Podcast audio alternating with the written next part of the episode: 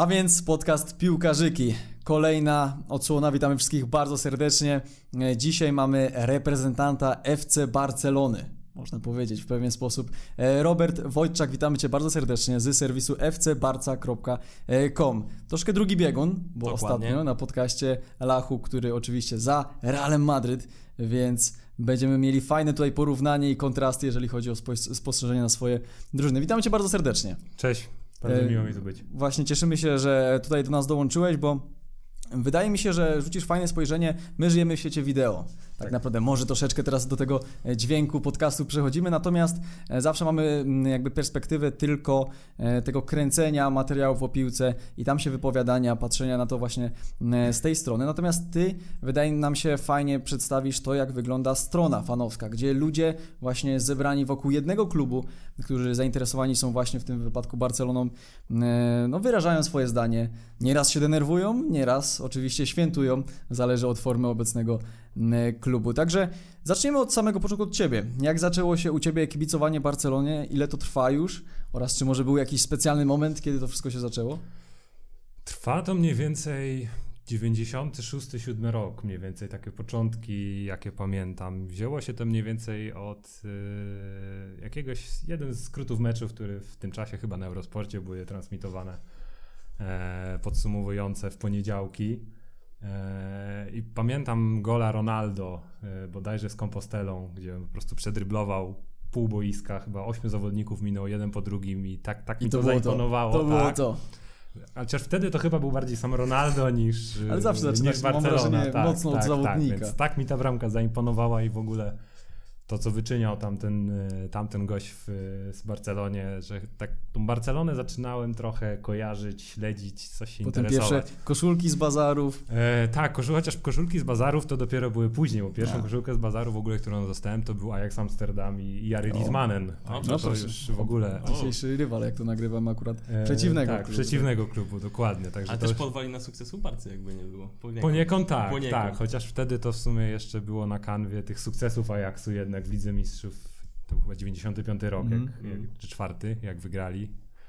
I, I to chyba bardziej jeszcze na, Też, na takim tak, etapie, tak. chociaż trudno mi powiedzieć, bo to za wczesne lata jednak, Oczywiście. żeby bardzo dobrze pamiętać. Natomiast no Barcelona stricte zaczęła się faktycznie od tego 96-7 roku e, z Ronaldo w składzie. E, Jeszcze.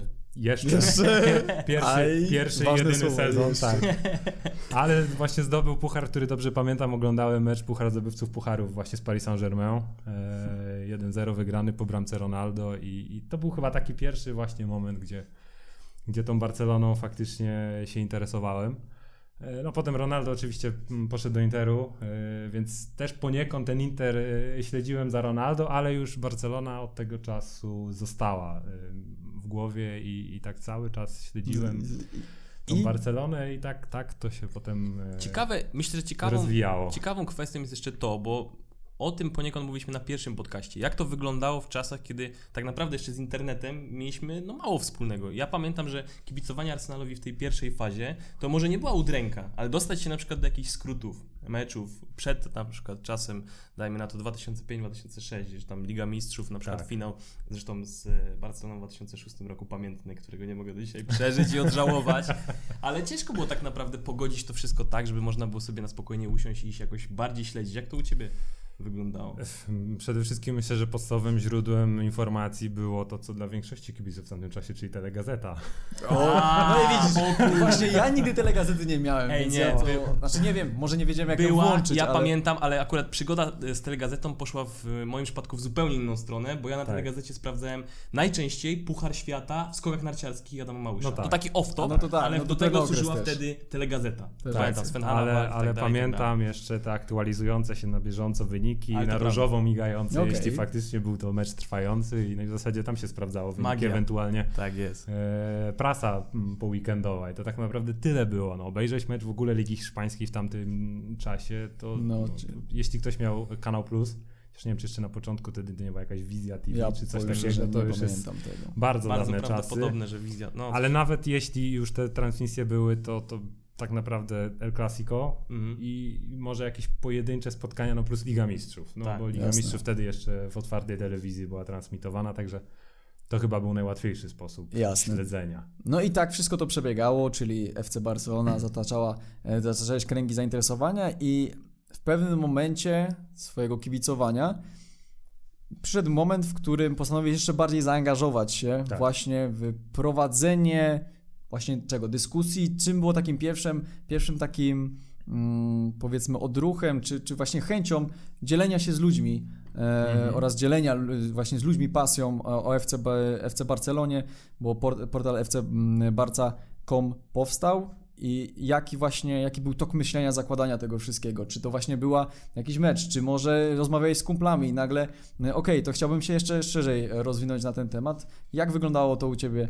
jeżeli chodzi o właśnie tworzenie treści na, na stronę? Znaczy tak, strona istnieje od 2002 roku, od października, to jest taka umowna data. Mnie wtedy jeszcze w ogóle nie było Mhm. tam, e, także ona jakby została założona jeszcze zanim ja dołączyłem tutaj. Jasne. E, natomiast ja na FC Barca Conf tak naprawdę zacząłem swoją działalność dokładnie 2 listopada 2006. I To czyli nie, niewiele później. Niewiele a- później, tak, w skali aktualnego funkcjonowania No w ogóle całego serwisu. Natomiast y, no, na samą stronę już zaglądałem wcześniej, jakby już to dostęp Też do... dobre źródło informacji, prawda? Tak, Jeżeli mówimy tak. o konkurencyjności, jeżeli chodzi o telegazetę, to Dokładnie. strony jednak- internetowe powoli zaczęły, zaczęły Y, nabierać tak, rozpędu. Robert po prostu chciał pogrillować Arsenal po finale. I po A- bramce, Adamowi to nie zejdzie jeszcze Tak, do tak. samego Po końca. Ostatnie jego słowa to będą nie odpuszczę ci zaraz. Nie, ostatnie moje słowa to będzie Almunia, dlaczego? dlaczego to zrobiłeś? Ale Dokładnie, wracając. tak. y, Także no, na stronę za- zaglądałem coraz częściej. No, w ogóle tak, internet zaczynał y, mocno rozwijać się w kraju. Także na stronie się pojawiła po prostu informacja o rekrutacji. I ja gdzieś powiedzmy w głowie zawsze no, nie wiem, chciałem coś takiego robić, nie wiem, po prostu jakąś mieć stronę o, o Barcelonie.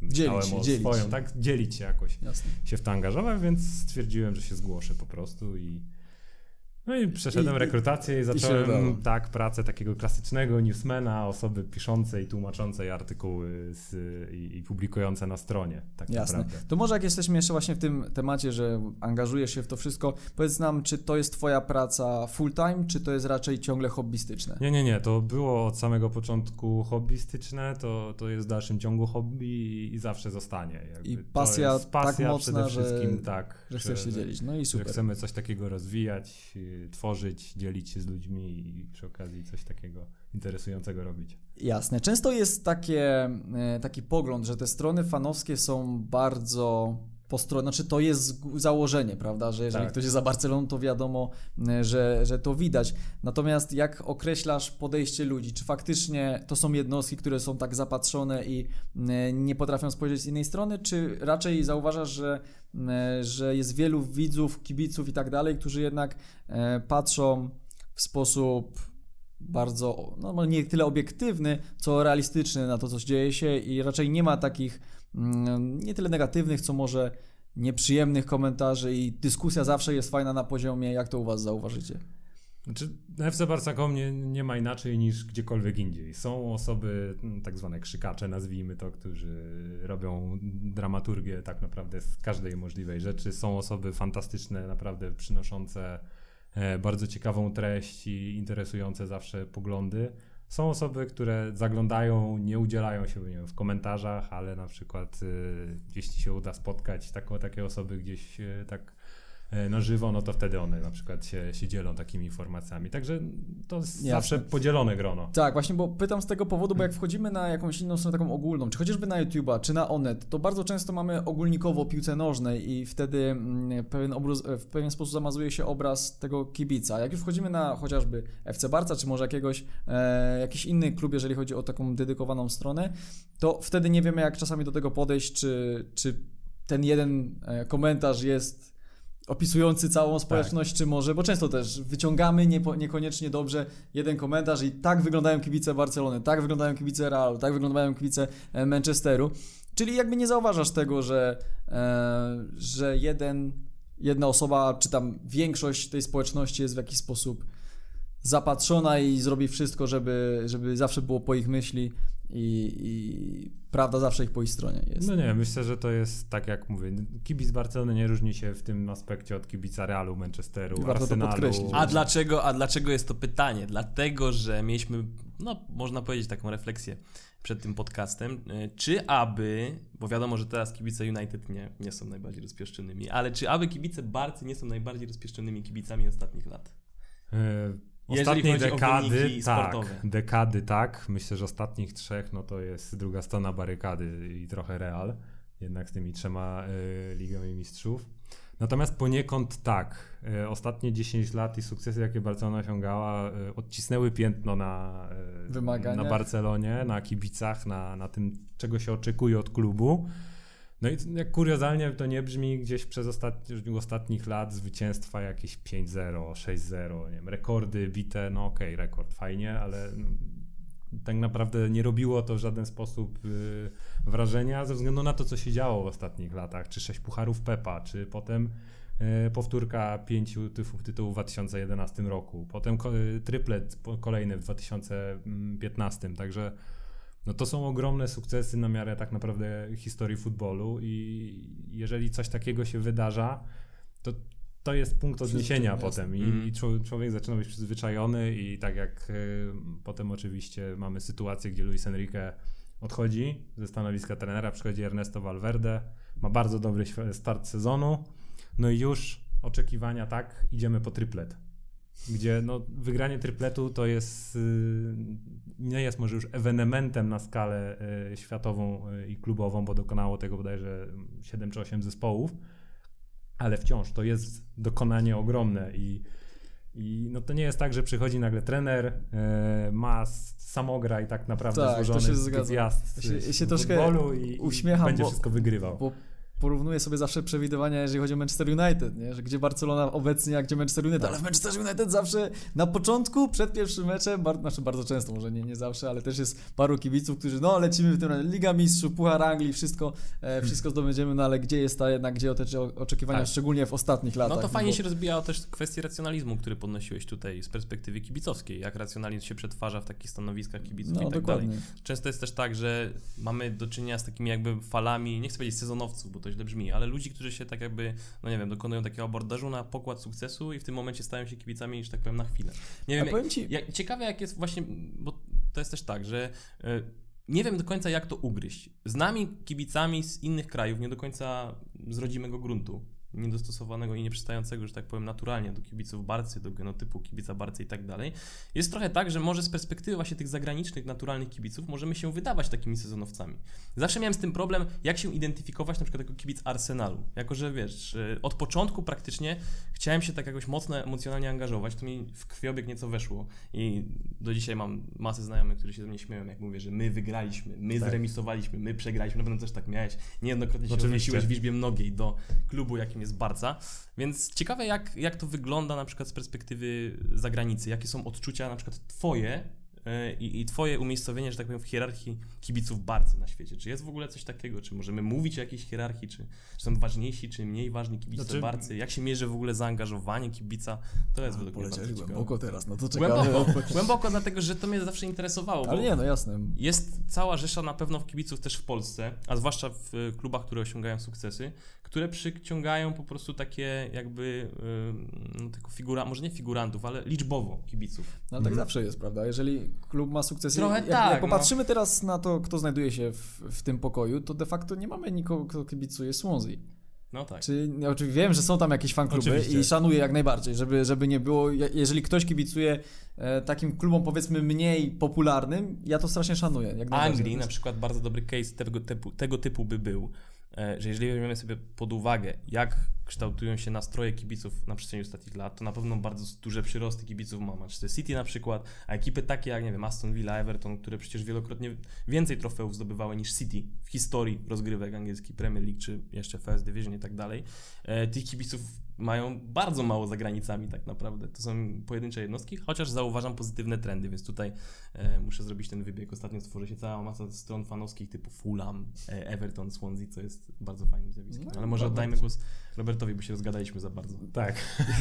Jeżeli właśnie chodzi o ten Zaczęło o się, od, a zaczęło się od United. Zaczęło od się od. United, tak. Zawsze zaczyna się od United. Nie no, e, śmieję się. Natomiast e, tak jak wspominaliśmy, jak właśnie myślisz, jeżeli chodzi o porównanie kibiców Polska kontra Hiszpania, widzisz, e, czy miałeś może styczność porozmawiać kiedyś z jakimś e, z Hiszpanii, żeby opisał swoją sytuację, jak to widzi, bo ja tam parę filmów widziałem, jak no, kibice zawsze się wypowiedzą, jeżeli chodzi o Manchester, jeżeli oglądałem takie materiały, to nie, fajnie, fajnie, jasne, my szanujemy, szanujemy, no ale czy to zawsze będzie, znaczy to nigdy nie będzie to samo, nie czarujmy się chyba. Dla nich nie.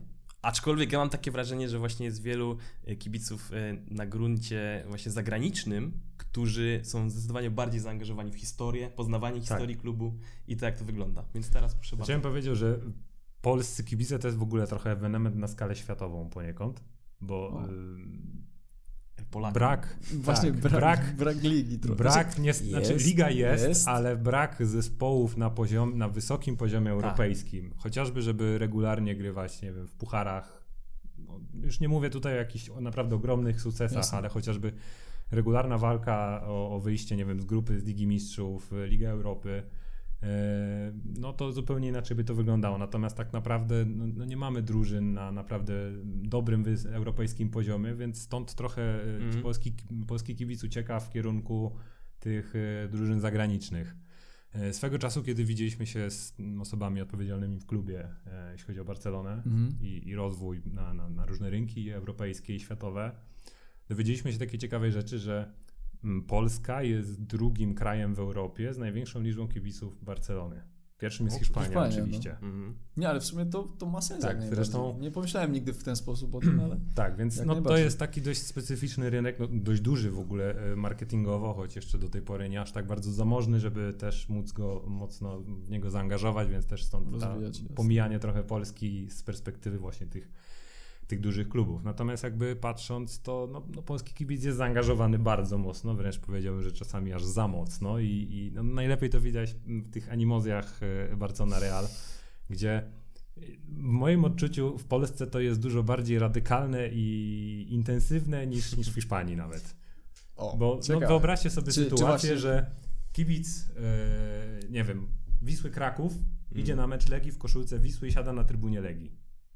No ja, ja sobie tego nie, Nie ma. wyobrażam. No ja nie sobie ma, nie, nie ma wyobrażam szans. takiego Nie ma. człowieka Nie ma na mieście nawet. Bo No. no. No. skończyłoby się to dla niego bardzo źle. może. Natomiast czy w Barcelonie, czy w Madrycie, czy no w jakimkolwiek innym mieście Bilbao, y, Sevilla, no, przychodzą tacy ludzie, przychodzą mi do mnie, niekoniecznie idą na trybunę gości, oni kupują bilety w różnych sektorach. Oczywiście Mhm. nie mówimy tutaj o jakichś ogromnych grupach, ale no, no tam się tym ludziom nic nie stanie. Owszem, no, bywały różne przypadki, że ktoś tam kogoś pobił tu gdzieś z jakimiś e, nożami, no ale to są tak naprawdę sytuacje z każdego miejsca w Europie czy Dokładnie. na świecie. No tutaj e, no, różnych dziwnych osób nie brakuje. Natomiast no, okej, no jesteś kibicem Realu, ty jesteś Barcelony, no ale jesteśmy na meczu, szanujemy się i tyle, koniec, kropka. Potem się rozchodzimy, dziękujemy albo sobie krzyczymy, e, że ty jesteś taki. Oczywiście. Ale na tym się kończy, a, a w Polsce mam wrażenie, że to jest taki bardzo duży radykalizm i jeszcze ta kultura kibicowska jest dość uboższa niż, niż w Hiszpanii, także Bardzo jest ciekawy, taka- bardzo ciekawy właśnie pogląd na to wszystko i czy właśnie e, Hmm. powiedziałeś, jak już nawiążemy do tego kibicowania w Hiszpanii, Tak. e, czy to właśnie tam często mówi się, jak rozmawiałem z paroma osobami, które kibicują już nie tylko Barcelonie, ale hiszpańskim klubom, że, że to jest takie przyjście, mm, o tym chyba nawet Lachów wspominał, że oni tam chodzą tak na mecze luźno właśnie. do teatru. Do teatru takiego, dokładnie. W ten tak. sposób podchodzą. E, Co nie zmienia faktu, że kultura piłkarska tam jest ogromna i jakby nie chciałbym powiedzieć, że to jest religia tam, bo to by było chyba takie do, dość mocne. Natomiast jest to bardzo ważne w ich życiu, Tak. nie? Pomimo tego potrafią się o to nie sprzeczać aż tak bardzo, jak, jak, jak mówisz. To też wydaje mi się ciekawym aspektem, jeżeli chodzi o, o nasze tutaj mm, zaangażowanie Polaków. I właśnie do tego też chciałem nawiązać już, jeżeli chodzi o samo zaangażowanie. Ile osób chce e, także mówić, dyskutować o, o klubach swoich. Czy jesteś w stanie nam przybliżyć, ile osób pracuje obecnie przy edytowaniu, pisaniu, jest zaangażowanych w ogóle w stronę FC Barca.com? w tej chwili redakcja skupia mniej więcej 16 osób łącznie i to są 16 osoby, osób. które zajmują się pisaniem, redagowaniem Każdy ma swoją rolę. stricte, tak.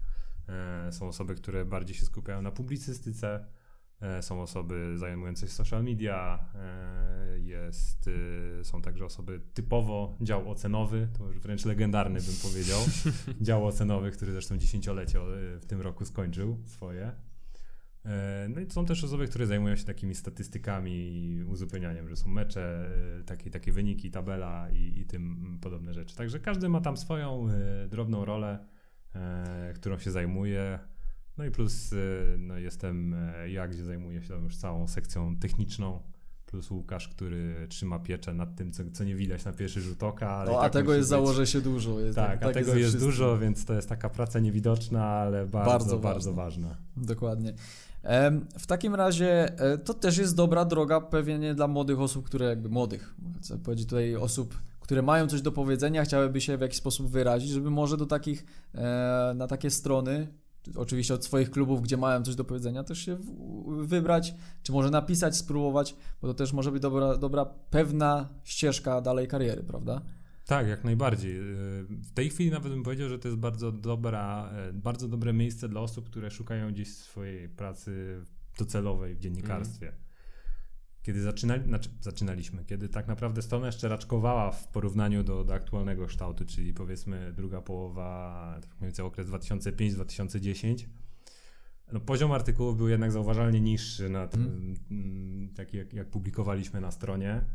E, ale też oczywiście dostęp do źródeł był e, dużo bardziej ograniczony, e, bo wcześniej tak naprawdę, znaczy źródeł z anglojęzycznych, jeśli chodzi o, o, o Barcelonę w tamtym czasie, to tak naprawdę na palcach jednej ręki dało się policzyć, a już częstotliwość publikacji tych artykułów w O, tamtym tak. czasie to już w ogóle się nie nadawała do czegokolwiek, żeby regularnie móc stworzyć treść na, na stronę. Także ograniczaliśmy się do, do tak naprawdę hiszpańskich gazet, z tym, że na tamten czas, no tak naprawdę nikt z nas nie znał hiszpańskiego.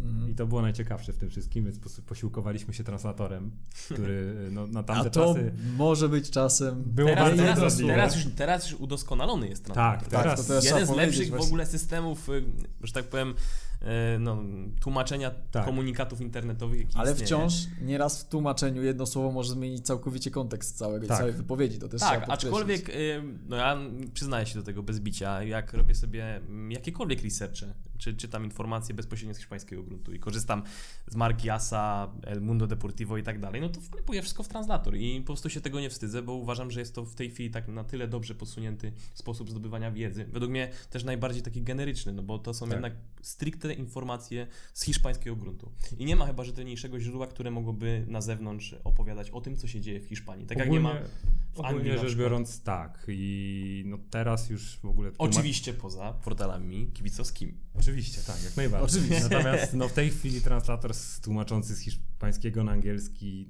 no, nie jest bezbłędny, ale to Mm. jest w granicach 90-95% skuteczności i bardzo dobrze można zrozumieć całą treść. Natomiast to, co tworzył translator w tamtych czasach, no to wręcz trzeba było Oj, się tak. czasami bardzo dużo nagimnastykować i domyślać, co tak naprawdę tam było na myśli. Natomiast no, w tej chwili osoby, które się zajmują e, pisaniem, tłumaczeniem, no to są osoby, które znają hiszpański. Większość osób, może nie, większość osób nie, ale wszystkie osoby piszące regularnie znają hiszpański, ja tak samo. E, są dwie, trzy osoby, które znają kataloński nawet w tej, O, też w tej kurczę. chwili. E, na poziomie przynajmniej rozumienia, także nawet korzystamy już z katalońskich źródeł w tej chwili, co jest, e, no jest trudniejsze, bo tak naprawdę oczywiście. kataloński jest zupełnie innym językiem niż, niż hiszpański. Tak z ciekawości zapytam, powiedzieli, że umiesz hiszpański, czy, czy ten powiedzmy nauka hiszpańskiego przyszła jakby przed czy po zainteresowaniu Po, Barceloną? po, zdecydowanie Czyli po, jednak był tak. to dobry taki To był katalizator. pozytyw- katalizator, no i o, o, to, Tak. o to jak najbardziej e, chodzi. Czy zdarzyło Ci się być na meczach? Tak. tak, jak najbardziej, kilka razy. I ta atmosfera, E, To, Co- to co co, rozmawialiśmy, tak? To chodzenie do teatru. czyli e, też to czujesz, czy, czy może Czuję, właśnie mi się to akurat bardziej podoba. Ja Tak? nie jestem typem kibica, który i jest ultrasem, chodzi i dopinguje. Ja lubię pokrzyczeć. No, jak ktoś lubi, tak. Można na sędziego I'm a na przykład shouter. krzyczeć, ale... A ale sędziego tak. w hiszpańskiej to często, co? tak, ja akurat jestem tym, ten typ, który idzie oglądać mecz. Okej. E, faktycznie analizować sobie, patrzeć, co się dzieje, kto gdzie gra, dlatego też lubię siedzieć wysoko, a nie niekoniecznie gdzieś tam niżej. A to w przypadku Camp Nou jest bardzo możliwe. Tak. Wbrew pozorom Tego- ten e, widok z samej góry nie jest taki, taki straszny, wręcz bym powiedział, że bardzo dobrze się ogląda mecz. I, W ogóle te hiszpańskie stadiony też są takie, znaczy Tak. wrażenie pa, patrząc Tak, na nie jest tak, takie, tak. że kurczę, ogrom tej wysokości to może się wiązać z jakimś przerażeniem kibiców. Bo tak naprawdę, czy znajdują. Santiago Bernabeu, czy Camp Nou, to, to Tak. okej, były budowane 50 lat temu na obrzeżach miasta, a w tej chwili wysiadając z metra i idąc na Camp Nou, idziesz, są wieżowce, idziesz na, o Tak. Camp Nou.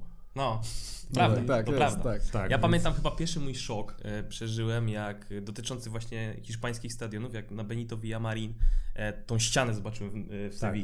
Że kibice Betisu jak tak siedzą i oglądają tę trybunę, to tak jakby patrzyli z, pod kątem, nie wiem, jakim, Trochę 15, tak, 15 tak.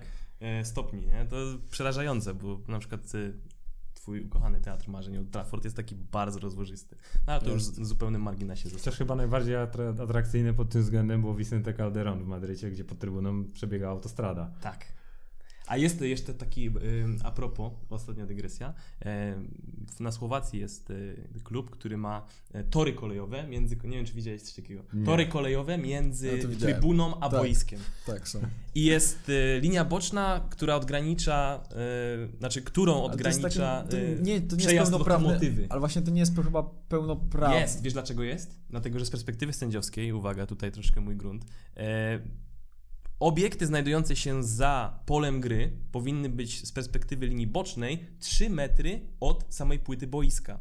Nie reguluje kwestia na przykład y, licencyjna tego, gdzie powinny się znajdować trybuny. One mogą być tak naprawdę 500 metrów za stadionem. Oni sobie umiejscowili po prostu za torami, bo tak było wygodnie. A tory same w sobie znajdują się więcej niż te 3 metry od linii bocznej. Wszystko jest tak naprawdę zgodne z przepisami. No to Bardzo ciekawe. Więc a propos stadionów, takie małe dygresje nam wjechały, mam nadzieję, że nam wybaczycie. No Ja chciałem jeszcze właśnie, to raczej chciałem jeszcze, teraz już przejść troszeczkę bardziej, powiedzieć o analizowaniu meczów, jak, że jesteś bardziej osobą, która, e, która woli przyglądać się piłkarzom, jak sobie radzą na boisku. Więc teraz przejdziemy właśnie do tej bardziej sportowej części.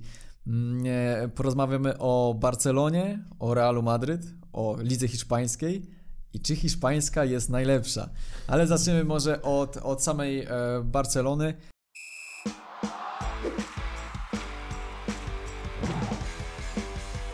No to teraz troszeczkę porozmawiamy więcej o Barcelonie, o tej sportowej części, jak już te technikalia wszystkie poznaliśmy oraz mniej więcej jak to wygląda z Twojej perspektywy. E, No to o samym zespole, prawda?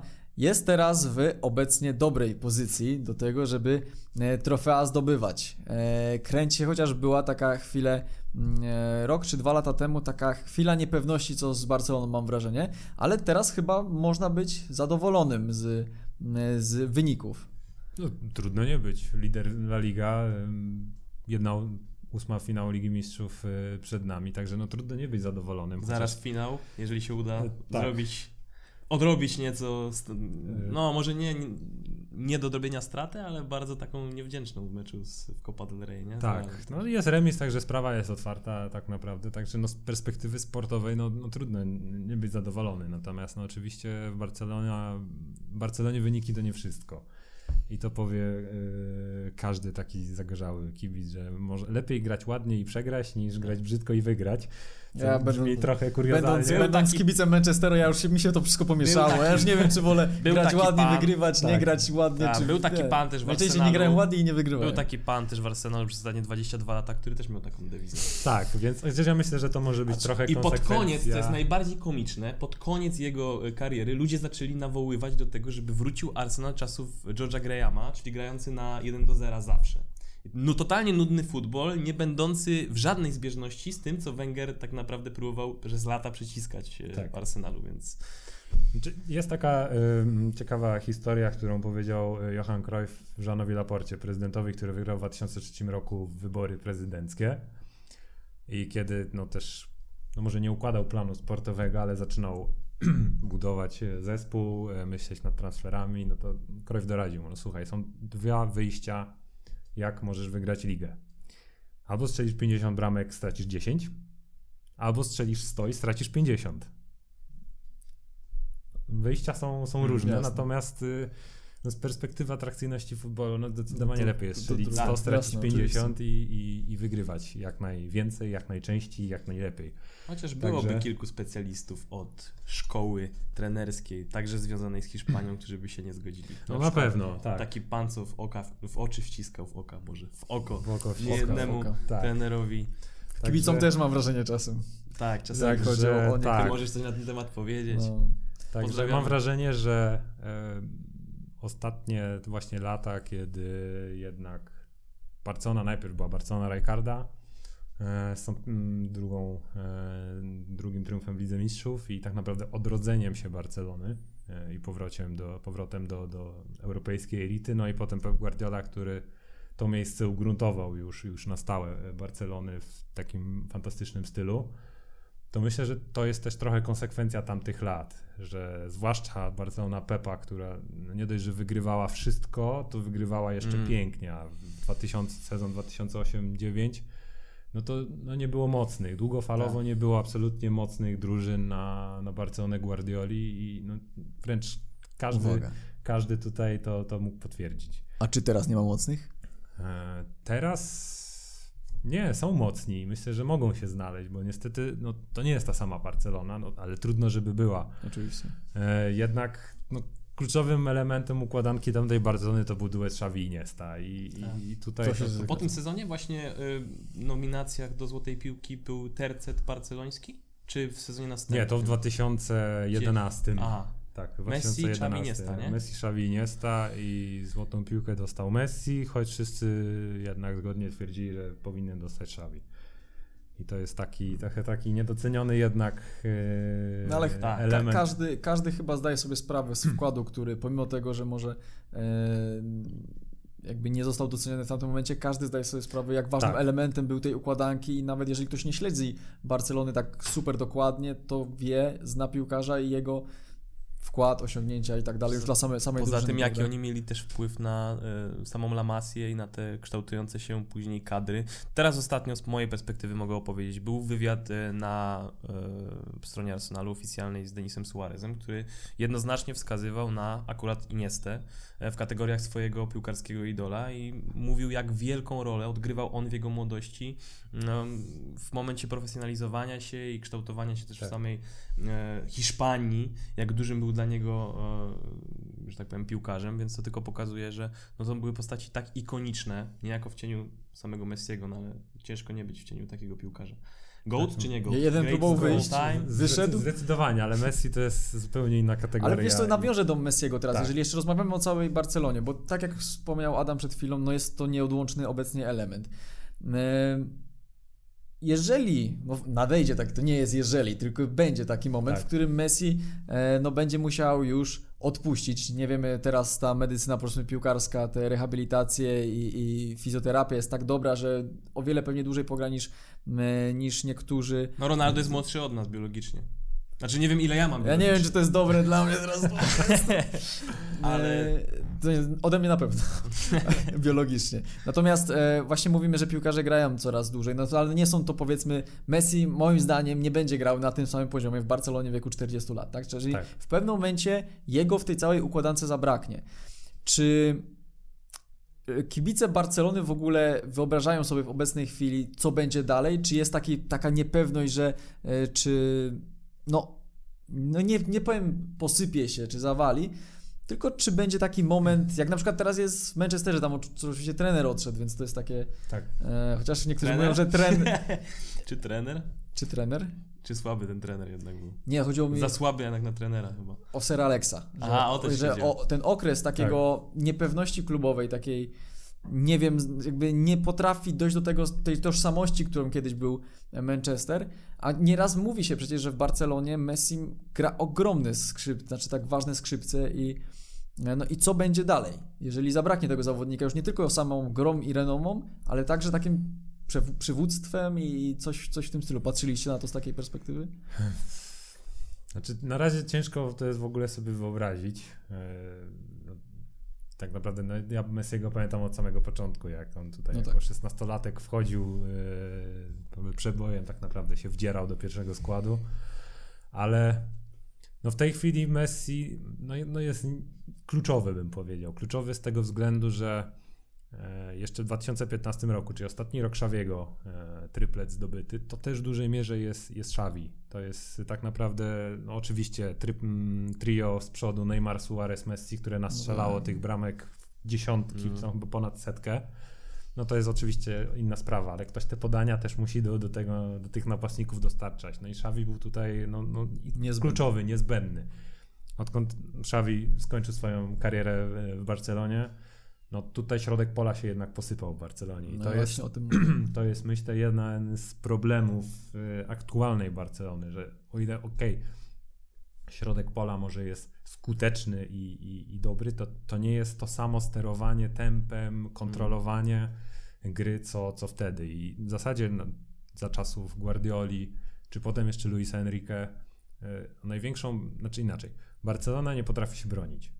Bronić w takim e, znaczeniu, jak to robią inne zespoły, czyli no, gramy strefą na, na swojej połowie, e, przekazujemy krycia, albo Mhm. wręcz murujemy się na 16 metrze i czekamy na, czekamy na, na kontrę. Jasne. Barcelona tak nie umie grać i okej, może by umiała, gdyby, gdyby zaczęła więcej w tym kierunku powiedzmy coś robić, natomiast no, nie zmieni tego, bo to, to jest taka filozofia klubu. My gramy piłką. Tożsamość. To jest tożsamość, tak, identyfikacja i to jest y, wpajane już od tych najmłodszych lat w La Masji, więc no, no Barcelona nie zmieni tego. To jest Mhm. to, to Cruyffizmo, to jest to spuścizna Cruyffa Jasne. e, widoczna w Barcelonie.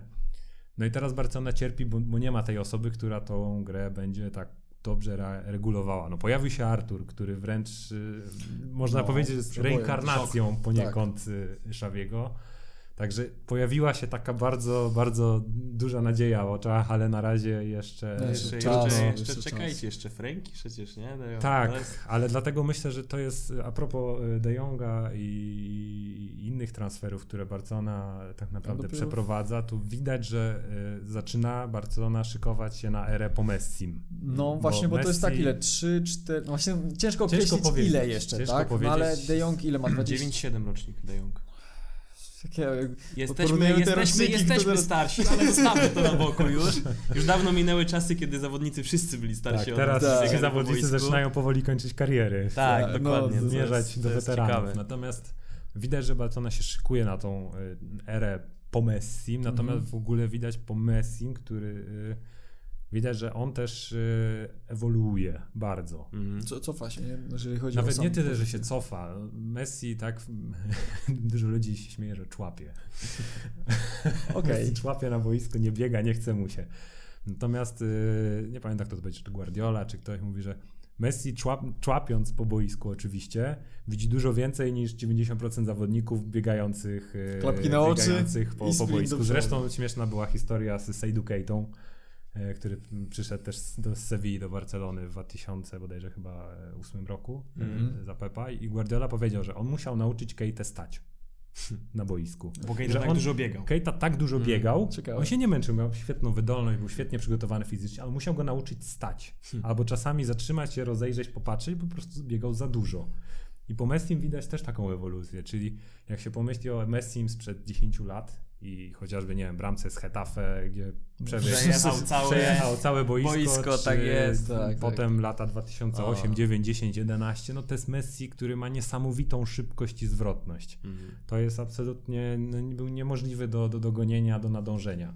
Natomiast tak mniej więcej od 2015-16 roku widać po Messim już zmianę. Messi zaczyna więcej e, spokojnie grać, więcej dogrywać. No i w tej chwili tak naprawdę spokojnie myślę, że mógłby też być gdzieś tam przesuwany bardziej w środek pola, choć z drugiej Mhm. strony jednak środek pola wymaga dużo więcej walki, a no tutaj to No nie właśnie, jest tak- człowiek do zadań specjalnych też nazwijmy to Jak powiedziałeś, pola. tak, tu może troszeczkę odskoczę od Messiego, ale o samą filozofię tego, że nauczyć się stać, to jest ba- bardzo, Tak. bardzo, bardzo ciekawa filozofia, której też nie słyszałem, ale faktycznie jak zobaczymy na przykład o angielskim, Czekaj, co nie słyszałeś? Na polskim gruncie był taki grajek z Chorwacji, się nazywał Daniel Liuboja i on mówił, że lepiej inteligentnie stać niż dużo a no biegać. dobra, Tak. To fakt, już tutaj w Polsce jest taka myśl przekazywana. A ja nie słyszałem, Tak zupełnie no. poważnie to, no, moja me culpa, natomiast to zostawiamy em, Liuboję.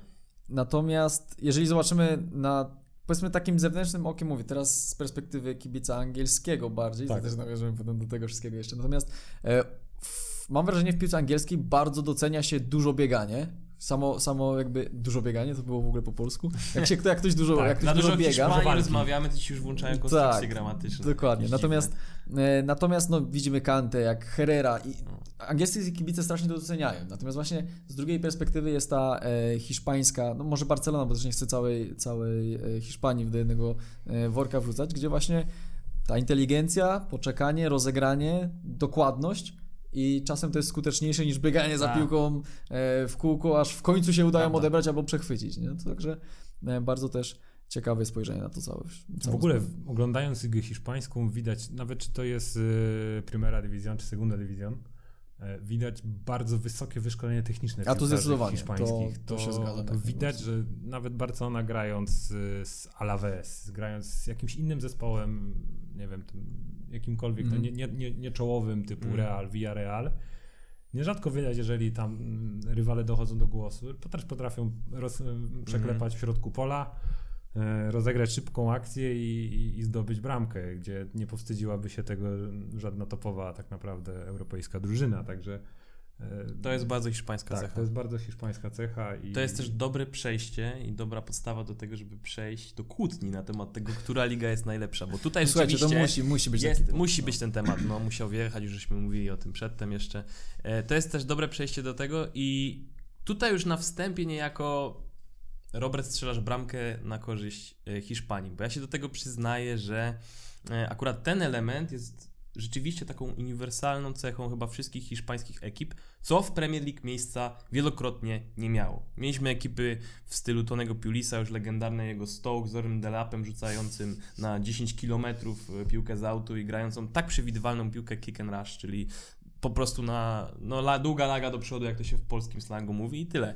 I, I rzeczywiście cały szereg ekip, do dzisiaj zresztą to w Premier League widać, bazuje na mimo wszystko fizycznej, surowej piłce, gdzieś tam nieprzystającej do tych standardów technicznych w Hiszpanii. Więc tutaj już niestety na tym polu rzeczywiście 1 do 0. Ale jest jeszcze ten oczywiście e, dogmat i prymat dwóch drużyn.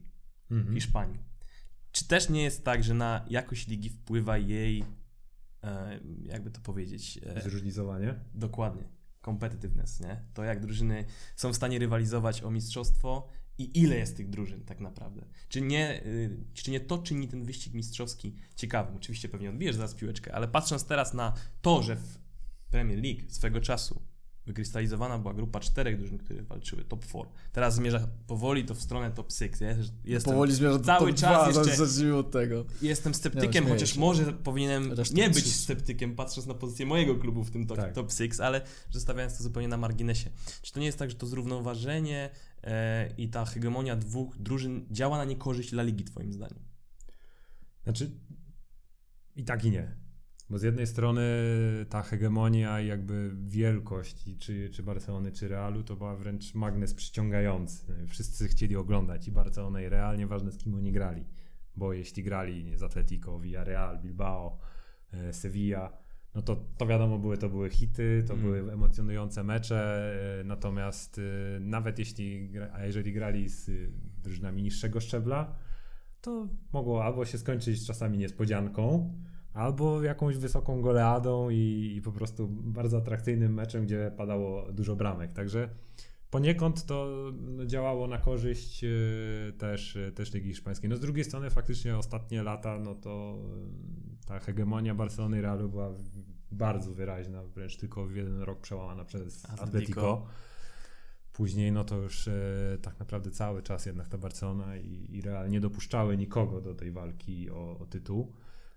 Trochę się to zaczyna teraz, e, bym powiedział, wypłaszczać Mm. e, ta struktura, także chociaż to bardziej chyba jednak wynika już z, z gorszej dyspozycji czy Realu, czy, czy Barcelony, niż z jakiegoś dużo wiek- większego tak wzrostu powiedział. Atletico, Walencji, e, czy Bilbao, czy Sevilla Tak. na przykład. Zdarza ci się oglądać ligę angielską? Tak, zwłaszcza teraz, kiedy mam już większy dostęp do meczów, bo wcześniej to było jednak bardziej ograniczone, a teraz często już jednak oglądam chociażby ostatni pojedynek City z Chelsea, co Wcześniej, wcześniej najczęściej jak były hity Ligi Angielskiej i nawet stwierdziłem, dobra, siadam, oglądam, to trafiałem na te najgorsze z tych hitów. Natomiast ostatnio... Tak, ale to jest też ciekawe, bo to też nawiązuje bezpośrednio do tej rywalizacji. Liczba hitów w ogóle, takich z, rzeczywist- z Tak. rzeczywistych hitów, proporcjonalnie patrząc, jest chyba wyższa właśnie teraz w Anglii. Ale to wynika chyba z tego, że jest coraz więcej tych firm, które po prostu starają się rywalizować na tym najwyższym możliwym poziomie. Przede wszystkim jeszcze różnica jest taka, że e, Liga Angielska dysponuje z zupełnie innym budżetem Tak, finansowym. to prawda. To, Tak, to, To jest olbrzymi przeskok. daje dużo większe pole było- manewru. to To było też widać w takich ym, naprawdę, może podstawowych rzeczach, ale ym, jak transmisji, jakość transmisji telewizyjnej. Tak. Pamiętasz jak było z La Ligą te x lat wstecz, kiedy tak naprawdę zaczynaliśmy oglądać w TV? Czy to La Liga później się wykrystalizowała, w miarę dobrą stronę poszła, ale na przykład Ligę i Premier League, przepaść była po prostu tak olbrzymia, jeżeli chodzi o jakość transmisji, że tylko pokazywało, gdzie są tak naprawdę lokowane środki. I... Tak, tak, także no, widać, że Premier League y, finansowo, budżetowo to jest zupełnie jeszcze inna liga tak naprawdę. To jest Hmm. poziom odstający od całej reszty. Hiszpańska bardzo mocno dąży w tamtym kierunku. No ale na pewno to się też przekłada na finanse pozostałej, e, pozostałych drużyn. Zresztą temat bardzo gorący w ostatnich latach, czy, czy w e, Hiszpanii, zwłaszcza, że ten podział e, pieniędzy do No jest- spraw telewizyjnych jest, jest zupełnie inny niż w lidze angielskiej. Ta dysproporcja jest dużo większa. Znaczy, ja jestem w stanie w pewien sposób zrozumieć, aczkolwiek podoba mi się bardziej system dzielenia, no mniej więcej porówno, no wiadomo, że te większe dostaną minimalnie więcej, natomiast e, daje szansę tym mniejszym się na delikatne e, nabranie rozpędu, że tak to ujmę. No, kiedy w sytuacji, no nie czarujmy się, do La Ligi, tak jak wspominaliśmy wcześniej, Real i Barca są głównymi magnesami, Tak. no to tam powiedzmy, gdyby postawić e, no właśnie ten pojedynek Barcelony z jakimś mniejszym albo powiedzmy mniej renomowanym klubem, to te liczby i tak zostaną napędzone na ten mecz. Tak. tak jak powiedziałeś, Tak. nawet, że może być te parę goli albo niespodzianka. Natomiast kiedy mamy dwa słabsze kluby, no to to już takie oczywiste nie jest, prawda? Bo e, mamy w tych tylko fanów, ewentualnie właśnie jakichś tam paru kibiców z zewnątrz, no i tych, którzy przyjdą na, na stadion, więc jestem z takiego marketingowo punktu widzenia albo takiego e, czysto biznesowego w stanie to zrozumieć, ale sportowo lepiej moim zdaniem jest, jeżeli to jest właśnie podział typu, typu liga angielska. No, no i potem mamy troszeczkę Chociaż tak już jak jesteśmy przy finansach, to myślę, że warto teraz luźno odbić w inną stronę, mianowicie kwestię tego, że najwięcej pieniędzy jako tako na transferach robi się właśnie w lidze hiszpańskiej. I do Ligi Hiszpańskiej transfery i z Tak. Ligi Hiszpańskiej. Neymar, z tą absurdalną kwotą, która pokryła poniekąd chyba transfery Coutinho i, i, i Dembele do Was, prawda? Zdecydowanie. E, to tylko pokazuje też, że, że tak naprawdę jest pewna tendencja, która robi pozytywny może taki efekt też na przyszłość. Znaczy ja bym też chciał wybieg. tutaj podkreślić jakość piłkarzy, nie? No to tak, no wiadomo. Bo jeżeli oczywiście. patrzymy na Real Madrid, Barcelonę, no to, to, to są topowe kluby, więc tam będą przychodzić i odchodzić topowi zawodnicy. Znaczy raczej e, szczególnie przychodzić, tak? No, mamy Neymara, mamy Bale'a, mamy Ronaldo, no to...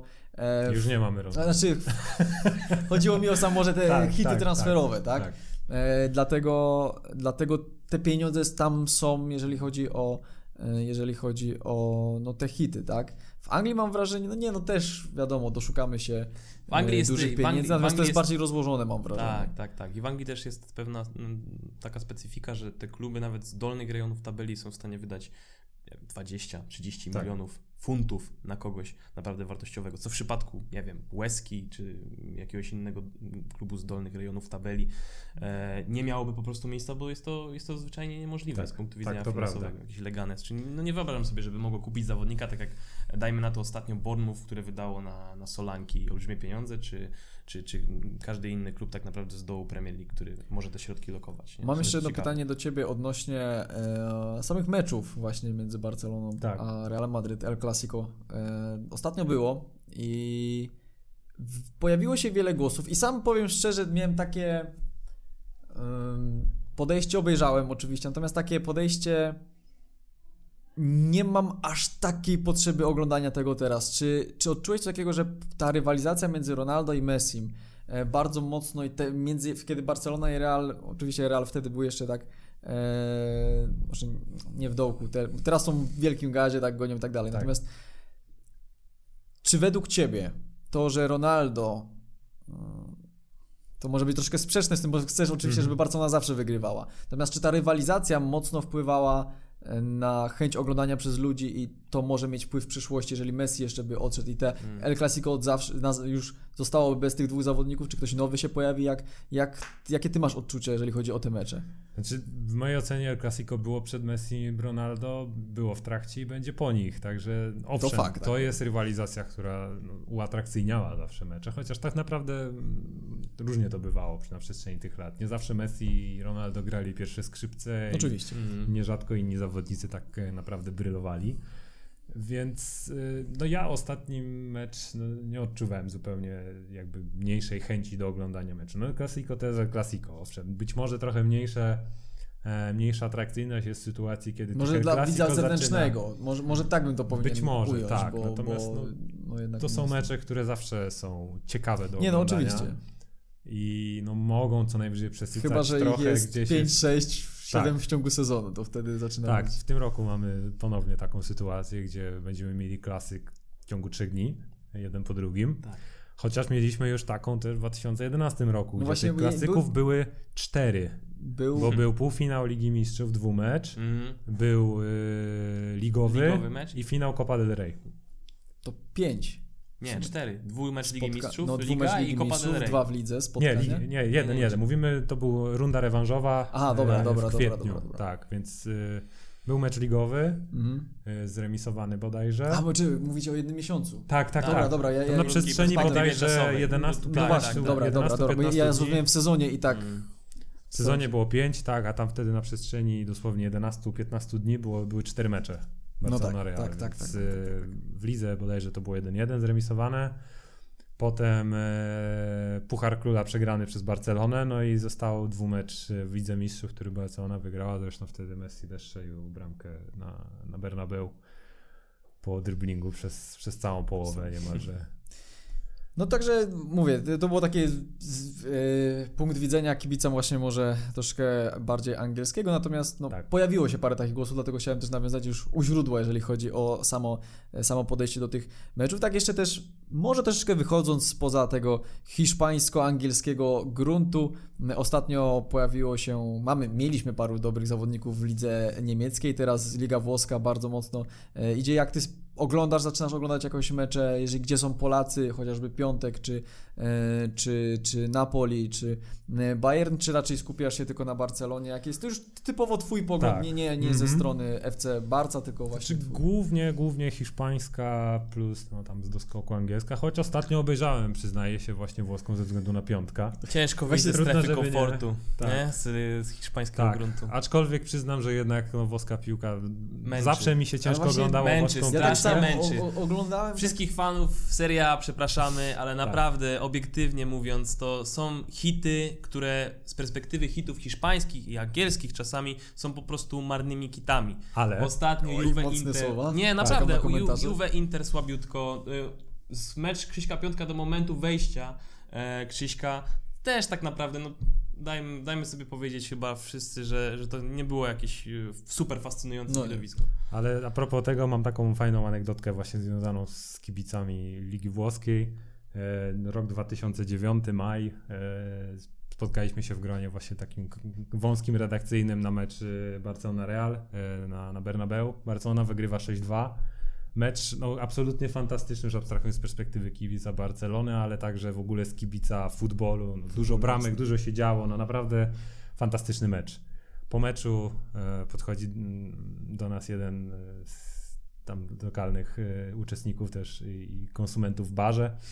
No i tak mówi, że no, z czego my się tak cieszymy, przecież mecz, mecz był e, kiepski. No patrzymy, kolega był w koszulce Milanu i mówi, że on nie wie, gdzie to catenaccio, gdzie, gdzie, te, gdzie ta defensywa, że tyle bramek, w ogóle ta obrona kompletnie fatalna. No także No ale jest to pewne dokładnie, spojrzenie na, tak, na, tak, na dany, także- tak jak mówiliśmy. Lepiej wygrać, znaczy sezon wygrać ze 100, 100, 100, ze strzelić 100 bramek. strzelić 100 bramek, a Dokładnie. stracić 50. No i Dokładnie oczywiście tak. niż. Także no, preferencje są różne. dokładnie. No, włoska Chociaż piłka zawsze się tym charakteryzowała. Ale są kluby włoskie, które od tego odchodzą, od tego catenaccio i, i, Tak. i niejako wchodzą też w sukurs Barsie.